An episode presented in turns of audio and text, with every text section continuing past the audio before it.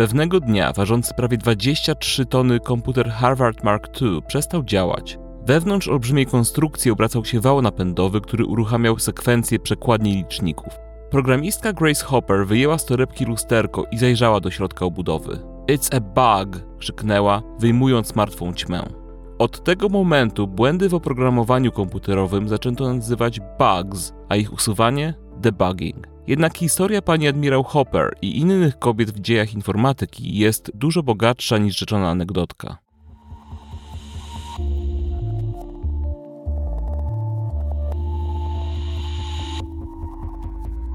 Nazywam się Andrzej Skasko i zapraszam do wysłuchania podcastu, w którym usłyszycie historie osób, które stały na czele ruchów społecznych, tworzyły przełomowe rozwiązania, osiągały nietuzinkowe rezultaty biznesowe. Historie te opowiedziane są z perspektywy pojedynczych minut, które zadecydowały o ich wielkim sukcesie lub o sromotnej porażce. Opowieści te konfrontuję z własnym doświadczeniem, tworząc przestrzeń do refleksji oraz inspirując do podejmowania nowych wyzwań. Mity założycielskie startupów technologicznych zostały zdominowane przez mężczyzn, takich jak Steve Jobs czy Bill Gates ze swoimi słynnymi garażowymi historiami. Jednak wśród geniuszy z Doliny Krzemowej próżno szukać kobiet o celebryckim statusie. Może za wyjątkiem Sheryl Sandberg z Google i Facebook, czy Elizabeth Holmes, ale z kolei jej niechlubny zapis na kartach historii to opowieść na osobny odcinek.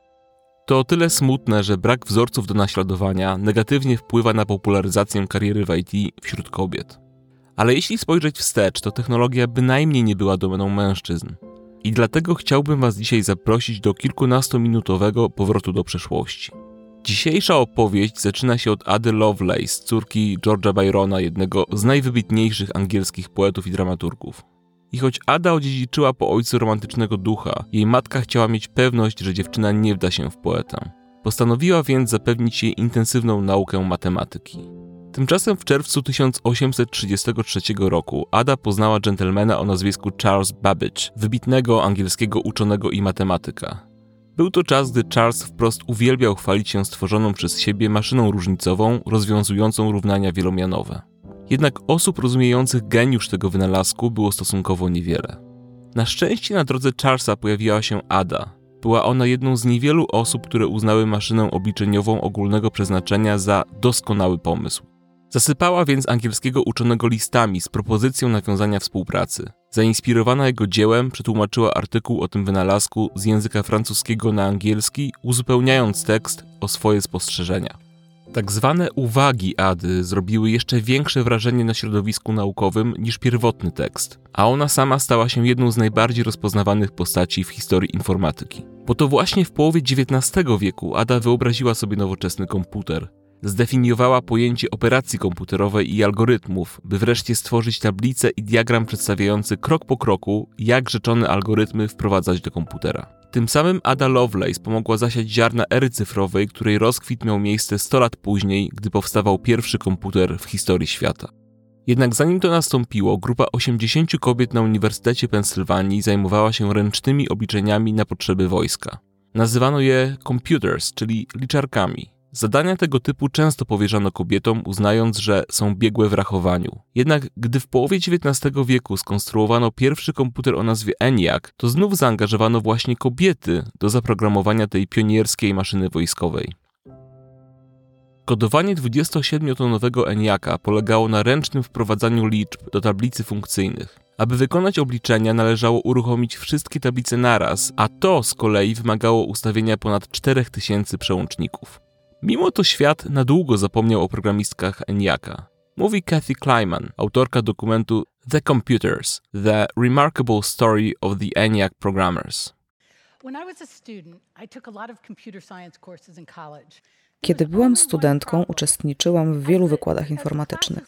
Był tylko jeden problem. W kolejnych latach liczba kobiet znacznie spadała i zaczęłam się zastanawiać, czy my, kobiety, informatyczki, miałyśmy jakiś wzór do naśladowania. Więc zaczęłam szukać kobiet w IT, przeglądać historię i encyklopedię informatyki i nie znalazłam żadnych nazwisk, ale za to znalazłam kilka zdjęć, między innymi zdjęcia komputera ENIAC.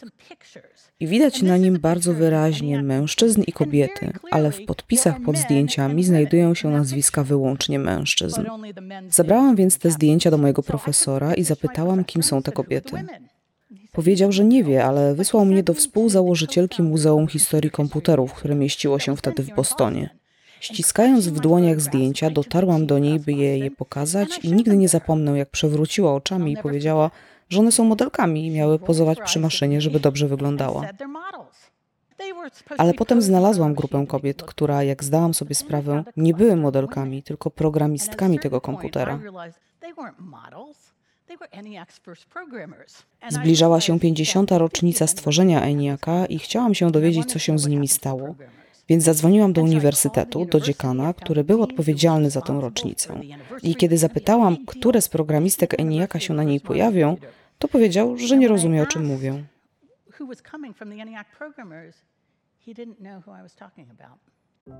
Kathy zrealizowała więc film o programistkach ENIAC'a, dzięki czemu dopiero niespełna 10 lat temu doczekały się one uznania i otrzymały szereg prestiżowych nagród. Powojenne kariery kobiet w branży technicznej, głównie w USA, rodziły się wbrew społeczeństwu i w kontrze do systemu edukacji oraz pod prąd teorii, że kobieta jest stworzona wyłącznie do bycia matką i żoną. W latach 60. amerykański przemysł komputerowy rozwijał się tak szybko, że rezerwy programistów szybko się wyczerpały. Zaczęto poszukiwać ludzi. Słynny artykuł The Computer Girls, który okazał się w 1967 roku w amerykańskim magazynie Cosmopolitan, opisywał programowanie jako zajęcie stworzone dla kobiet. Zdaniem cytowanej w tekście Grace Hopper są one cierpliwe i dbają o szczegóły, co czyni je urodzonymi programistkami. W artykule Hopper porównała tworzenie algorytmów do planowania obiadu. Cosmopolitan radziło kobietom, że zawód ten daje znacznie lepsze perspektywy na utrzymanie niż rola sekretarki czy asystentki. Grace Hopper była w tamtych czasach jedną z nielicznych kobiet z tytułem doktora matematyki, w dodatku uzyskanym na prestiżowym Uniwersytecie Yale. Mając 37 lat, postanowiła zasilić szeregi amerykańskiej armii, ale dano jej do zrozumienia, że było to zbyt późno na rozpoczęcie służby. Jednak jej determinacja i znakomite wyniki z egzaminów przekonały sceptyków. Przyjęto ją do rezerwy i tak trafiła na Uniwersytet Harvarda, który realizował wówczas szereg projektów dla wojska, w tym m.in. budował wspomniany komputer Harvard Mark I i jego kolejne generacje. Grace została przydzielona do ekipy ekspertów, którzy mieli zaprogramować maszynę. Wielokrotnie udowodniła, że jest osobą, która nie boi się myśleć nieszablonowo. W jej biurze można było znaleźć piracką banderę i zegar, którego wskazówki chodziły do tyłu. Grace powtarzała: Najniebezpieczniejsze powiedzenie to Zawsze tak robiliśmy. Jeśli pomysł jest dobry, trzeba go realizować. Dużo łatwiej jest przeprosić, niż uzyskać zgodę. Największy wkład Grace w programowanie polegał na jego upowszechnieniu. Hopper stworzyła podwaliny pod język COBOL, który okazał się jednym z najczęściej używanych języków programowania w świecie informatyki. Hopper wierzyła, że języki programowania powinny być intuicyjne i przypominać język, którym posługujemy się na co dzień. Taki właśnie był COBOL, którego unikalną cechą było wykorzystywanie bardzo dosłownych, opisowych komend. Hopper dosłużyła się w armii stopnia kontradmirała. Na emeryturę przeszła w wieku 79 lat jako najstarszy oficer w amerykańskich szeregach, ale pozostała w branży IT jeszcze przez kolejnych kilka lat. Została zapamiętana nie tylko jako wybitna uczona, która bardzo przyczyniła się do rozwoju technologii komputerowych, ale też jako osoba, która gorąco zachęcała młodzież do nauki programowania. Jej dziedzictwo jest kontynuowane przez cykliczną konferencję The Grace Hopper Celebration in Computing, której celem jest aktywizacja kobiet w zawodzie programisty. Jednak historie sukcesów kobiet w sektorze IT nie kończą się na branży wojskowej. Mary Kenneth Keller w wieku 19 lat wstąpiła do zakonu sióstr miłosierdzia na Świętszej Maryi Panny w USA. Następnie rozpoczęła karierę akademicką, by w 1953 roku kończyć studia magisterskie z matematyki i fizyki. Siostra Keller tak bardzo ujęła władzę Dartmouth College, że postanowiono złamać zasadę Only for Men i zatrudniono ją w centrum komputerowym jako pierwszą kobietę w historii. Zmotywowana tym siostra Keller została pierwszą kobietą w USA, która otrzymała tytuł doktora w dziedzinie informatyki. Keller utworzyła Wydział Informatyki w Clark College. Zależało jej, by kobiety angażowały się w technologię. Wspierała pracujące matki, a nawet zachęcała je, by zabierały na zajęcia swoje dzieci. Również jej marzeniem było stworzenie prostego języka komputerowego, który umożliwiałby programowanie praktycznie każdemu. Wraz z Johnem Kemenym i Thomasem Kurtzem opracowała język BASIC, który zrewolucjonizował programowanie, wcześniej dostępne jedynie dla nielicznych. Latach 70.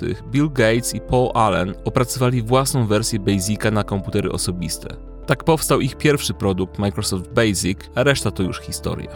Swoją epokę wyprzedziła również aktorka Hedy Lamar, której zawdzięczamy technologię umożliwiającą nam korzystanie z Wi-Fi, GPS czy Bluetooth. Hedy stała się ikoną Hollywood wkrótce po jej kontrowersyjnej roli w ekstazie z 1933 roku. Mimo ogromnej popularności, aktorka w wolnym czasie tworzyła wynalazki. Jeden z nich miał wykorzystywać fale radiowe do sterowania torpedami. W Hollywood poznała kompozytora George'a Antheila, którego system zdalnego sterowania instrumentami komponował się z koncepcją Hedy. W 1941 roku opatentowali wynalazek, oddając go za darmo marynarce USA. Jednak ich pomysł na lata trafił do szuflady, znacznie wyprzedzając swoje czasy. Przypomniano sobie o nim dopiero w latach 80., gdy został odtajniony przez amerykańską armię. Dziś znany jest jako FHSS, metoda rozpraszania widma w systemach szerokopasmowych, dzięki której bez zakłóceń możemy korzystać z Wi-Fi, telefonii komórkowej, Bluetooth czy GPS. Zasługi Hedy Lamar na polu techniki zostały uznane dopiero u schyłku jej życia, gdy pod koniec lat 90. otrzymała szereg prestiżowych nagród. Niechlubne miejsce w historii techniki zajmuje test predyspozycji do pracy w zawodzie informatyka, który został stworzony w latach 60. XIX wieku przez Williama Cannona i Dalisa Perry'ego. Aż dwie trzecie firm zatrudniających programistów, w tym korporacje takie jak IBM, wykorzystywały ten test w swoich procesach rekrutacyjnych. Sprawdzał on nie tylko umiejętności logicznego myślenia i rozwiązywania łamigłówek, ale również wskazywał preferowane cechy charakteru. Wynikało z niego, że idealny programista to ktoś, kto stroni od ludzi i aktywności, które wymagają kontaktów osobistych. Tym samym był on skrojony pod męskie cechy charakteru, gdyż w tamtym czasie zachowania tego typu wśród dziewcząt były zwyczajnie tępione. U kobiet uważano je za przejaw negatywnych cech charakteru, tymczasem u chłopców za przebłysk geniuszu. Wizerunek nieśmiałego informatycznego introwertyka przeniósł się z czasem do popkultury. Gry, które stanowiły główny powód, dla którego każdy nastolatek marzył o własnym komputerze, były skierowane przede wszystkim do chłopców.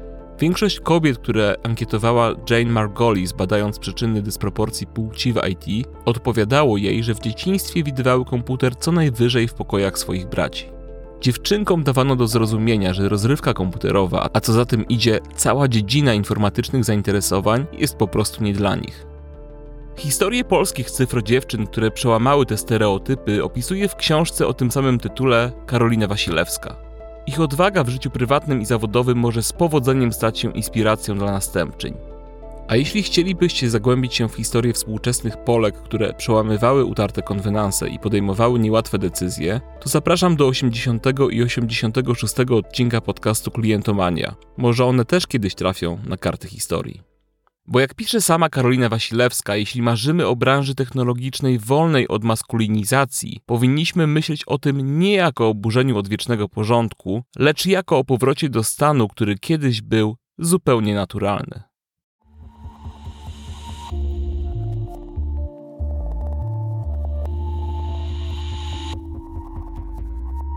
16 listopada 1907 roku 16-letni Sidney Weinberg kroczył Wall Street w poszukiwaniu pracy. W którymś momencie zwrócił uwagę na wysoki, ładnie wyglądający budynek przy 43 Exchange Place.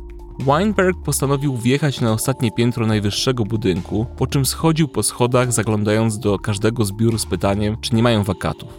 Dzień dobiegał końca, a Sydney był już prawie na parterze. Potrzebujecie kogoś? zapytał kolejną napotkaną osobę. Nie mamy pracy, ale przyjdź jutro. Odparł woźny do Sydneya, który, jak się później miało okazać, został szefem mieszczącego się na tym piętrze Goldman Sachs, wiodącego banku inwestycyjnego na świecie. Tę i inne historie usłyszycie w następnym odcinku Minuty, która zaklina rzeczywistość. Serdecznie zapraszam na minutapodcast.pl. A jeśli podobają Ci opowiadane historie, zachęcam do subskrybowania i obserwowania podcastu na najpopularniejszych platformach oraz do ocen i recenzji na Apple Podcast.